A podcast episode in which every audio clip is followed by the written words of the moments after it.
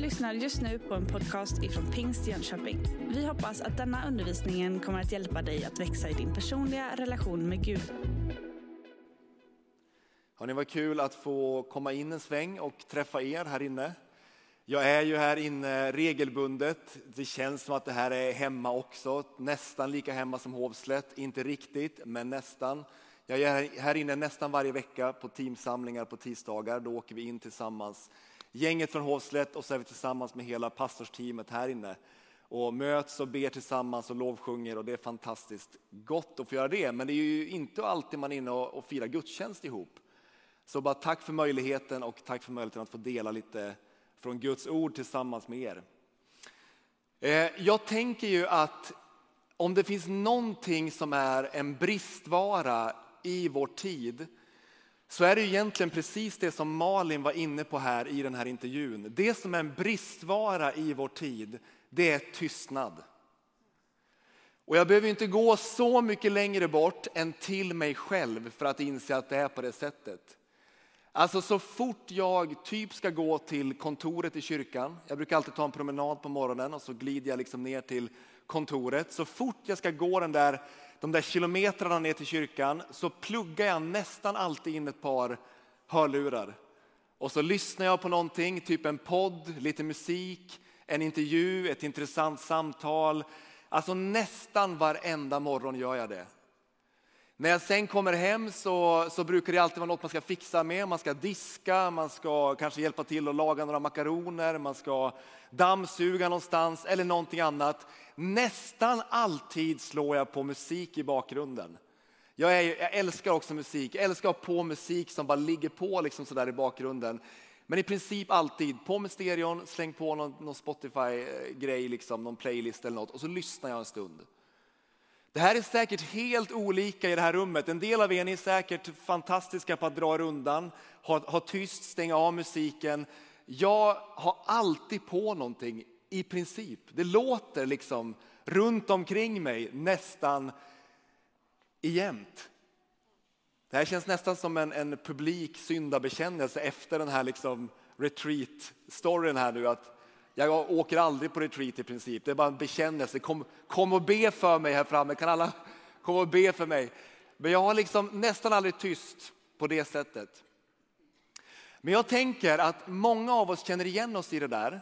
Vi lever i ett sånt samhälle, det låter överallt, det händer saker, vi lyssnar på grejer, vi har tvn på, vi har stereon på, det liksom pålar på med ljud. Men det vi måste fundera på som människor överlag, men kanske ännu mer om vi vill vara lärjungar, alltså om vi vill följa Jesus. Det vi måste fundera på, det är vad gör det där med oss? Finns det någonstans i våra liv där Jesu röst kan tränga in? Eller är det alltid ljud? Jag lyssnade för något år sedan på eh, Nicky Gamble som har, har grundat eller varit med och startat igång kan man säga alfakurserna. Vi har ju alfakurser här i kyrkan också. Grundkurser i kristen tro. Jag lyssnade på en intervju med honom vid ett tillfälle där intervjuaren frågade honom hur ser ditt böneliv ut? Och grejen är att de flesta som, som känner till lite grann om hans liv vet om att han är en, en stor bedjare. Det är inte så att han går runt och skryter om det eller berättar om det. Men jag hörde en gång en kompis till mig berätta att han hade tittat lite grann nere i bönerummet. De har ett 24-7 bönerum i kyrkan där han har varit präst i många år. Där man kan signa in sitt namn om man vill liksom boka upp sig på en timme. Och han hade smugit ner i det här 24-7 bönerummet, min vän, han var där på en konferens i den här kyrkan. Och så har han sett hur Nickys, alltså Nicky Gambles namn stod liksom överallt på den här listan. Folk runt om honom vet att han ber mycket, så intervjuaren frågade honom, hur ser ditt böneliv ut? Vad gör du när du ber? Och så sa han i den här intervjun att bön för mig, det är till största del, ja, nästan för mig någonstans i bakhuvudet att han sa till 80 procent, men det kan jag ha hittat på också. Så ta inte det som en sanning, det kan vara en lögn som jag har liksom levt med. Men han sa till mesta del så är bön för mig att bli tyst och att lyssna efter vad Gud säger. Det är det jag gör. Majoriteten av tiden jag ber så är jag tyst och så lyssnar jag efter vad Gud säger. Och så försöker jag respondera på det han gör. Det Nicke Gamble säger med det där, det är egentligen, precis som ni var inne på intervjun här nyss också, att vi har lätt för att låta våra ord bli det viktigaste i bönen. Men kanske är det så att hans ord är det viktigaste i bönen. Men det är en kamp. Alltså det är en kamp ibland att komma till den punkten. För vi vill plugga in något och vi vill prata och vi vill ha igång liksom en rulle. Det är en kamp ibland att komma dit. Prästen och författaren Henry Noven, han har vid ett tillfälle skrivit så här i en av sina böcker, om ni bara spanar upp emot skärmen, att ensamheten är platsen för den stora kampen och det underbara mötet. Kampen mot det falska jagets tvingande impulser och mötet med den kärleksfulle guden. Det han säger tänker jag vi alla kan känna igen oss i, eller hur? Det är en kamp. Att vara tyst, att dra sig åt sidan, att söka stillhet, att lyssna istället för att prata. Det är en kamp. Till och med för tysta svenskar, försiktiga introverta svenskar. Det är en kamp. Men det är också där vinsten kan finnas. Mötet med Gud. Jag tänker att om du vill följa Jesus, om du vill ta ett kliv i att följa Jesus, om du vill fortsätta följa Jesus, så är det A och O att hitta platserna där du hör Jesu röst och lär dig att känna igen Jesu röst. Så här står det om Jesus i Johannes evangeliet kapitel 10 och vers 14 till 16. Johannes 14 till 16. Jag är den gode herden. Jag måste säga det för övrigt, den här texten, vi hade inte planerat att ha samma text som söndagsskolan. Det fanns ingen koppling här emellan, vill bara få säga det. Det kan vara så att jag har dragit mig undan i tysthet en liten stund den här veckan och varit tyst och lyssnat. Nu ska jag fortsätta läsa. Och jag känner mina får och de känner mig.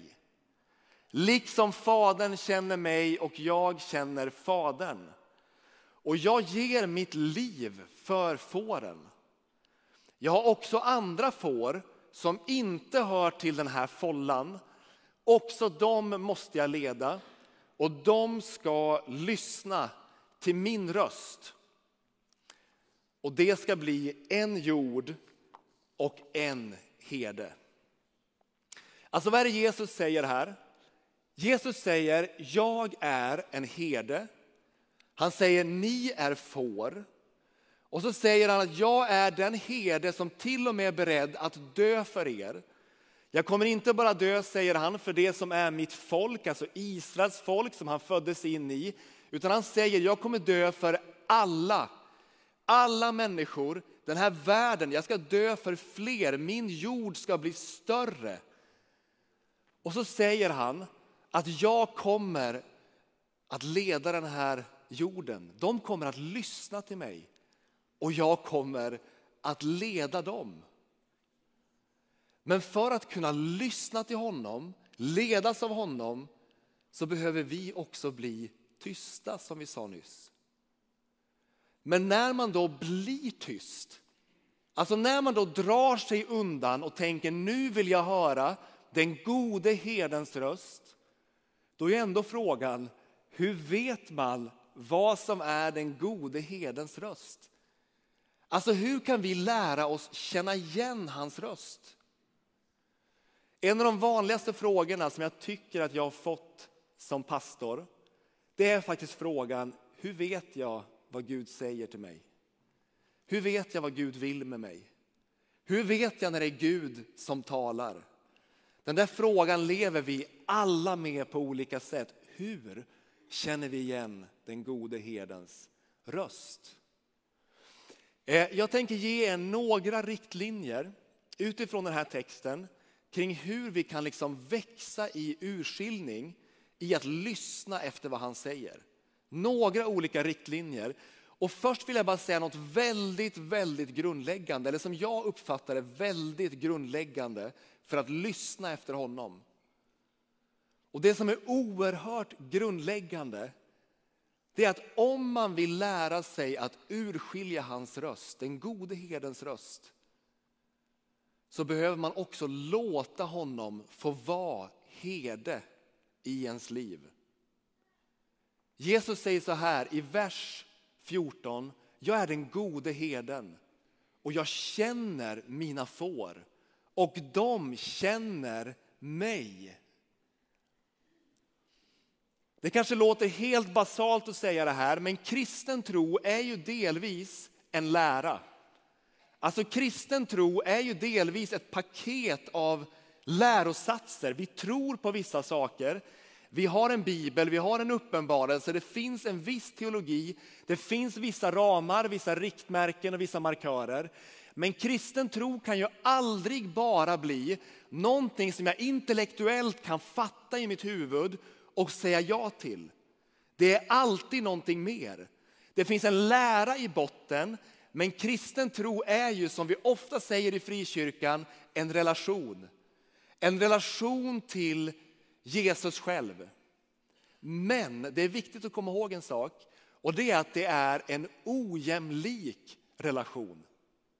Det är inte en relation på helt jämlika villkor. Det är en ojämlik relation. Det, det finns en som är herde, resten är får. Det finns alltså en som är ledaren och resten av oss följer.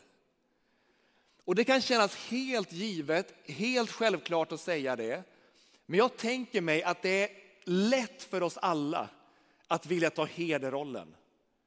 Jag vet vad Gud borde säga till mig. Jag vet vad han borde tycka om mitt liv. Jag vet vad han borde säga in i oss som församling. Jag vet vad han borde säga in i vår samtid. Och så tar vi hederrollen. Hänger ni med? Vi tar ledarrollen. Men om man ska växa i att lyssna efter Gud så behövs också ödmjukhet. Du är herde. Du vet mer än mig. Du leder.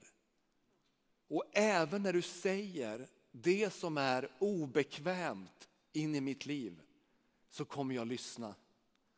Även när du leder mig dit jag inte riktigt vill just nu så kommer jag följa. Du är herden, jag är fåret. Du leder och jag följer. Jag tänker mig att det är en av de svåraste sidorna i kristen tro. Det är att faktiskt gång på gång låta honom få vara herde. Släppa taget. Säga du leder, jag följer. Speciellt eftersom det så ofta är så att han gör det som vi inte har förväntat oss. Och just eftersom han ofta gör det vi inte har förväntat oss så kan vi också lätt missa den gode herdens röst. Hans röst är lätt att missa. Har ni någon gång funderat på det faktumet att Jesus faktiskt kallar sig själv för en herde? Det är egentligen lite märkligt. Att vara herde var ett vanligt yrke på den här tiden. Men det var ju inte ett högstatusyrke. Det var ett lågstatusyrke att vara herde. Att vara herde var ju inte någonting som var i mitten av samhället. Det var ju utkanten av samhället. Men Jesus säger, jag är en herde. Och självklart så kopplar han tillbaka det också till gamla testamentet där Gud ibland beskrivs som en herde. Herren är min herde, mig skall inget fattas. Psalm 23. Men även om Jesus kopplar tillbaka till gamla testamentets bild av Gud som en herde så var det fortfarande i Jesus samtid ett yrke som han såg ner på. Det var låg status, det var utanför samhället, det var anspråkslöst att vara en herde. Det var fyllt av anspråk att säga jag är en kung. Men att säga att jag var en herde var anspråkslöst. Kanske är det just därför vi lätt missar hans röst. För att han är anspråkslös. Tänk bara på de här bibelsammanhangen. Johannes kapitel 1 och vers 10.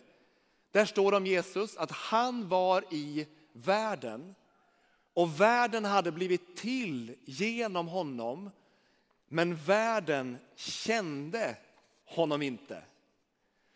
Eller tänk på sammanhanget där Jesus precis har uppstått ifrån döden och han möter sina lärjungar. Eh, och så står det så här i Johannes kapitel 21 och vers 4 att när morgonen kom så stod Jesus på stranden. Men lärjungarna förstod inte att det var han. Jag tycker det här är intressanta sammanhang. Han har skapat världen. Alltså allt har blivit till genom Jesus. Han är central, liksom gestalten till varför världen finns till. Ändå kände inte världen honom.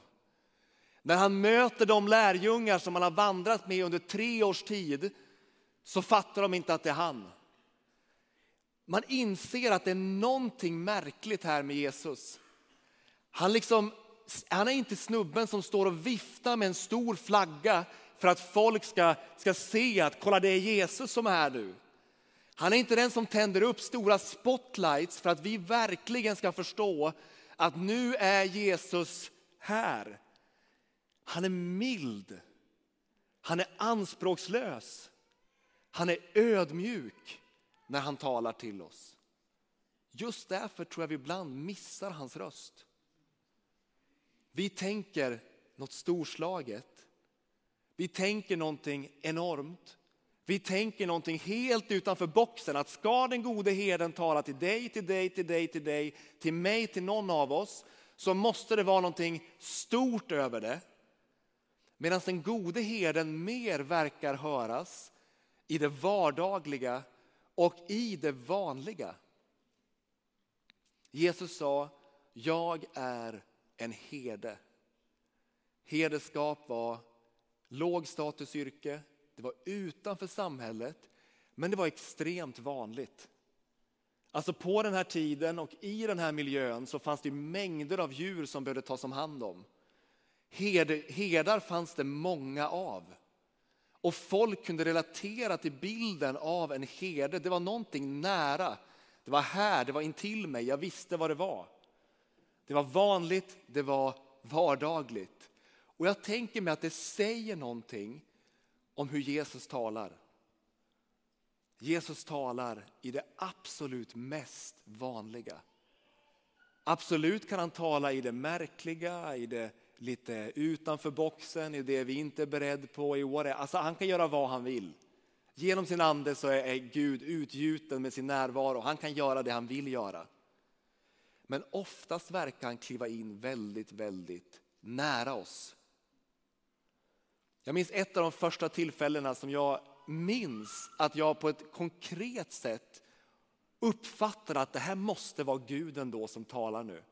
Jag hade upplevt det på olika sätt tidigare, små saker så där som jag anade, att det här måste nog vara någonting annat. Men första gången jag minns att jag nästan hajade till, det var när jag var 19 år gammal. Pappa, han hade typ, jag tror jag hade gått ut gymnasiet, pappa hade typ känns det som, hastlat in mig lite grann på någon sorts fabriksjobb efter gymnasiet. Jag vet inte riktigt hur, vilken väg jag hade, vilken fil jag hade in på det här jobbet, men jag fick ett jobb på en fabrik. Jag skulle göra oljelänsor, eller jag var en del av ett team som skulle göra oljelänsor. Oljelänsor är ju sånt man lägger ut i vattnet när det har blivit oljeläckage, ni vet, från en båt eller det kan vara någonting annat, en prom kanske eller något, har läckt ut olja. Och så måste man fånga in oljan och dra den in mot land så där. Så man gör sådana här stora liksom, korvar av presenningar nästan, som man lägger ut, ut som stora falukorvar som man drar in oljan med. Och jag hade liksom min roll där på den här fabriken i Nordmaling. Jag skulle göra en viss del av den här oljelänsan. Och jag tror jag hade jobbat en bra bit in på den här terminen, så jag var ganska trygg på den här platsen. Alltså jag visste min plats, jag var hemma, jag hade koll på jobbet det var enkelt, jag visste hur man skulle göra. Det var definitivt vardag i mitt liv att stå och göra de här oljelänserna. Och så mitt i den där liksom mest vardagliga stunden så kom jag ihåg att en tanke slog till på ett sätt som jag inte hade varit med om förut. Det var inte en röst som jag hörde. Det var inte någonting märkligt någonstans här. Det var bara en väldigt skarp tanke i huvudet. Du ska börja jobba i din hemförsamling. Och jag hade aldrig tänkt den tanken innan.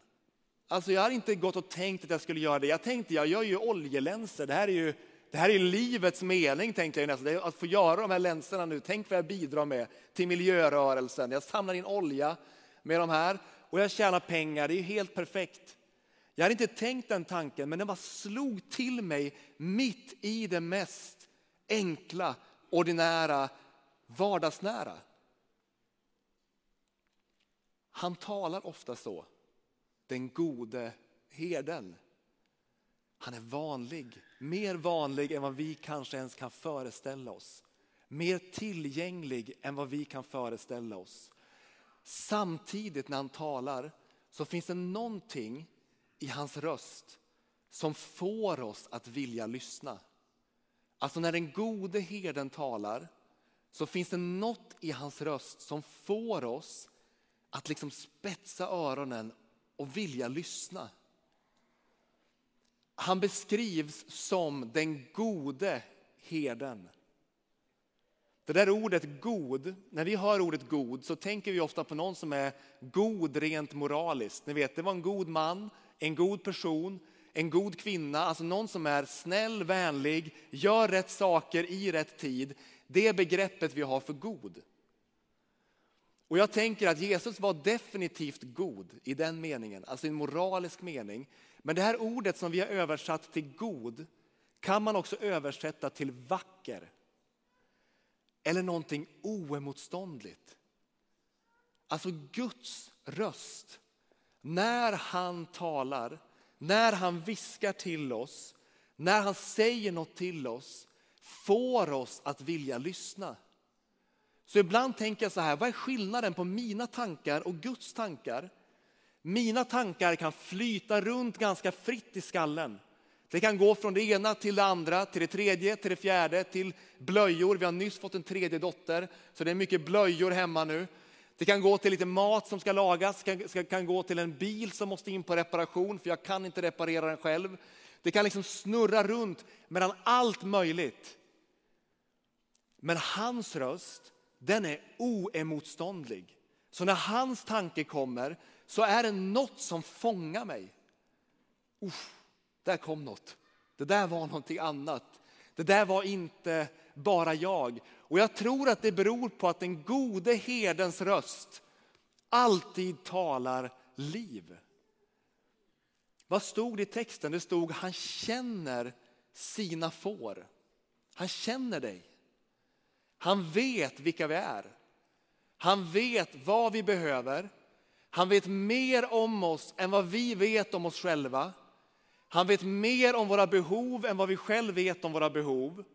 Han vet mer om vad som finns i våra liv än vad vi själva kan gräva fram eller komma på. Han känner sina får. Det finns en fantastisk berättelse i Bibeln, eller en fantastisk händelse en av mina favorithändelser faktiskt, den är Jesus precis har uppstått, åter tillbaka till Johannes evangeliet. Han möter lärjungarna där vid stranden, han har gett dem mat, de känner till slut igen honom. Och sen så tar han en liten egen promenad med Petrus. Han går med den där lärjungen som har misslyckats, som har svikit, som har övergett, som har lämnat, som har tappat spåret. Han tar en egen promenad med honom. Och så plötsligt i det här samtalet som han har med Petrus så vänder han sig mot honom och så säger han, du ska bli en herde för mina får. Jag är helt övertygad om att Petrus definitivt inte tänkte att han skulle bli en ledare för Guds folk. Han hade ju svikit Guds son. Men när Jesus går med honom så vet han att det finns mer bakom bakom allt det här som har skett i ditt liv som han sen vill locka fram ur honom.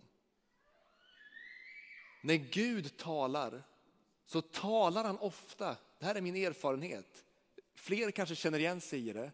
Han talar ofta till det som vi egentligen vet om, men som vi inte riktigt vet om. Alltså han talar till det som vi egentligen känner till och anar om oss själva.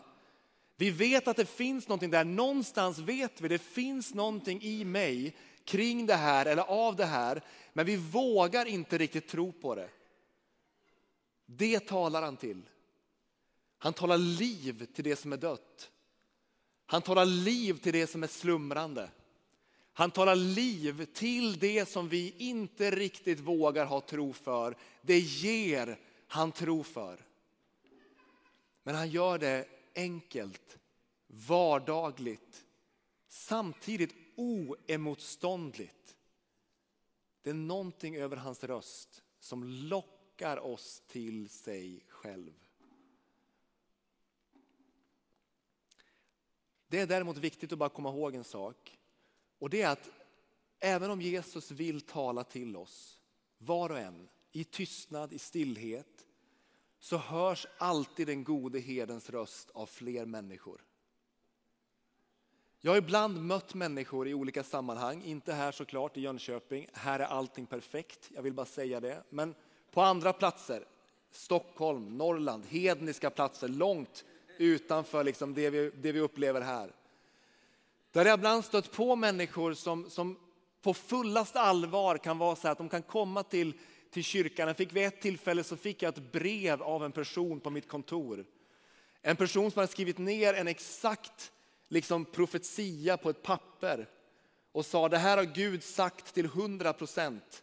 Och så lämnade personen bara över det till mig och sa det här är Guds ord till dig. Och grejen var så här att visst, det skulle det ju kanske delvis ha kunnat vara. Prylen var bara att jag kände inte igen ett dugg av personen skrev. Det var ingenting som ringde, rang bekant i mig. Det var ingenting jag hade hört från andra ställen, andra sammanhang.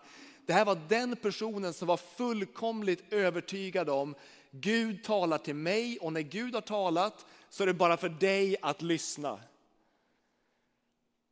När Gud vill säga någonting som spelar roll för fler, och för ett större sammanhang, då tror jag han talar till sitt folk.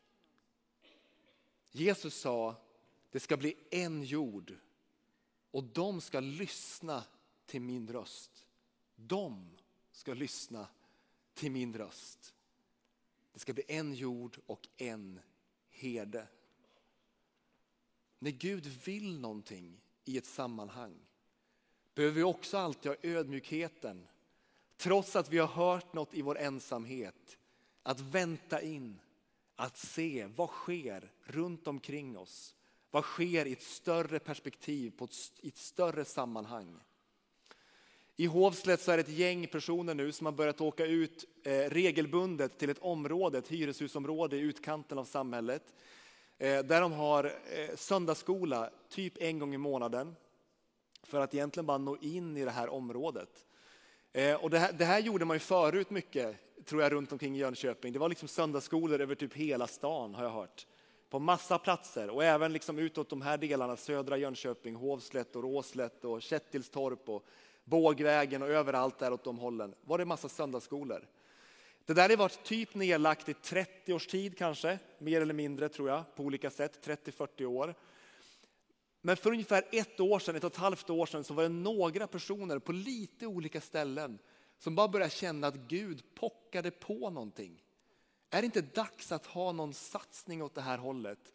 En söndagsskola, någonting annat. Är det inte dags att någonting ska hända nu? Det var inte bara en person som upplevde det, upplevde det, det var inte bara två personer. Det var faktiskt flera personer som vid olika tillfällen uppfattade Gud säger någonting till oss nu. När Gud vill göra något i våra liv, när han vill göra någonting bredare och större, så talar han alltid till sin jord. Jag tror att många av oss kan tänka, det här med att höra Guds röst, det är för någon annan. Det är för den där jättestarka bönemänniskan som jag växte upp med i min hemförsamling. Det är för den där personen som alltid ber högt på bönesamlingarna. Det är för den där pastorn eller för den där ledaren eller för den där människan där borta någonstans. Jag uppfattar inte att det är Bibelns budskap. Gud vill tala med dig. Han vill få vara din herde och han vill att du ska få lyssna på hans röst. Två stycken frågor. Den ena frågan, har du gjort Jesus till herde i ditt liv? Och då menar jag dels för första gången. Det kan vara någon som har lirkat sig in här, som kanske aldrig har hört det här förut eller tänkt de här tankarna förut, att det finns en Gud som har kommit till oss, som vill leda oss genom livet. Du kanske bara behöver få ge, ge dig själv till honom och säga, nu ger jag mitt liv till dig, jag säger ja till dig.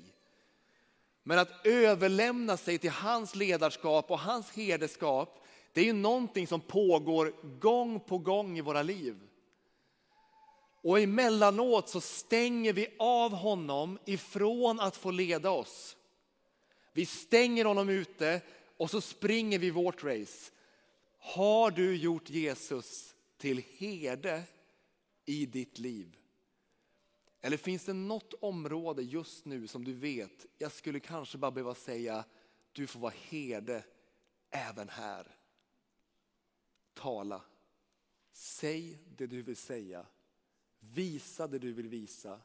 Ge mig de tankar jag behöver höra just nu. Har du gjort honom till herde? Spelar ingen roll vilken ålder du är. Om du är 15 eller 85, spelar ingen roll. Är han herde? Eller har du bestämt vad du tycker? Eller har du lämnat det till honom? Den andra frågan, vad är det Jesus säger till dig just nu? Vad är det han vill tala till dig om just nu? Vad är det han vill visa dig just nu? Du har just lyssnat på en podcast ifrån Pingst Jönköping.